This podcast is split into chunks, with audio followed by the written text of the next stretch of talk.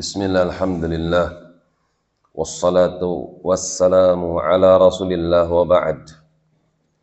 Masih di dalam surah Asy-Syu'ara sampai pada firman Allah Ta'ala wa innahu dan sungguh Al-Quran Al-Karim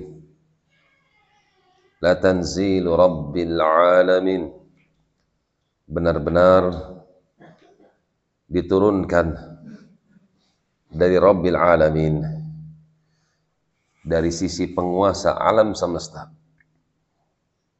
Kalimat turun menunjukkan bahwasanya Allah itu di atas langit. Yang menurunkan Quran itu Allah. Arti turun itu dari atas ke bawah. Ini menunjukkan bahwasanya dia Allah berada di atas.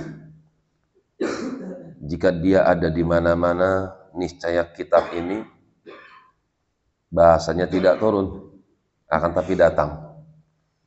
Dan sungguh Al-Quran datang dari mana-mana. Akan tapi tidak demikian. Justru Allah katakan, la tanzil, betul-betul dia turun.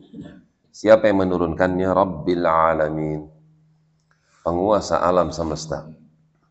Maka batillah ucapan orang yang mengatakan Allah ada di mana-mana. Nazala bihi ruhul amin. Siapa yang membawa Quran tersebut dari atas ke bawah?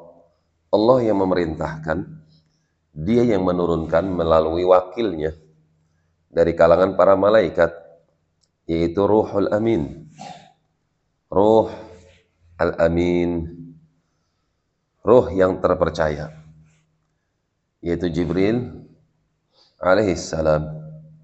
Beliau adalah malaikat yang diwakilkan, yang diamanatkan untuk menyampaikan wahyu. Ala qalbika, di mana Quran ini masuk ke dalam hatimu ya Muhammad sallallahu alaihi wasallam ketika masuk ke dalam hati sehingga selamatlah dari berbagai macam penambahan, pengurangan dan juga kotoran. Litakuna minal mungzirin supaya engkau memberikan peringatan kepada mereka manusia dari apa yang dikehendaki oleh Allah Subhanahu wa taala bilisanin dengan berbahasa Arabiyin bahasa Arab mubinin. Yang amat fasih lagi jelas. Sehingga Nabi Shallallahu Alaihi Wasallam adalah orang yang paling paham tentang Al-Quran. Dan para sahabat radhiyallahu taala anhum adalah saksi diturunkannya Al-Quran maka mereka adalah orang yang paling mengerti Al-Quran setelah nabinya sallallahu alaihi wasallam. Kenapa Quran diturunkan dengan berbahasa Arab? Karena Rasulnya yang Allah utus ketika itu berasal dari Arab dan itu merupakan hikmah yang balighah sesuai dengan hikmah. Demikian wallahu a'lam bissawab.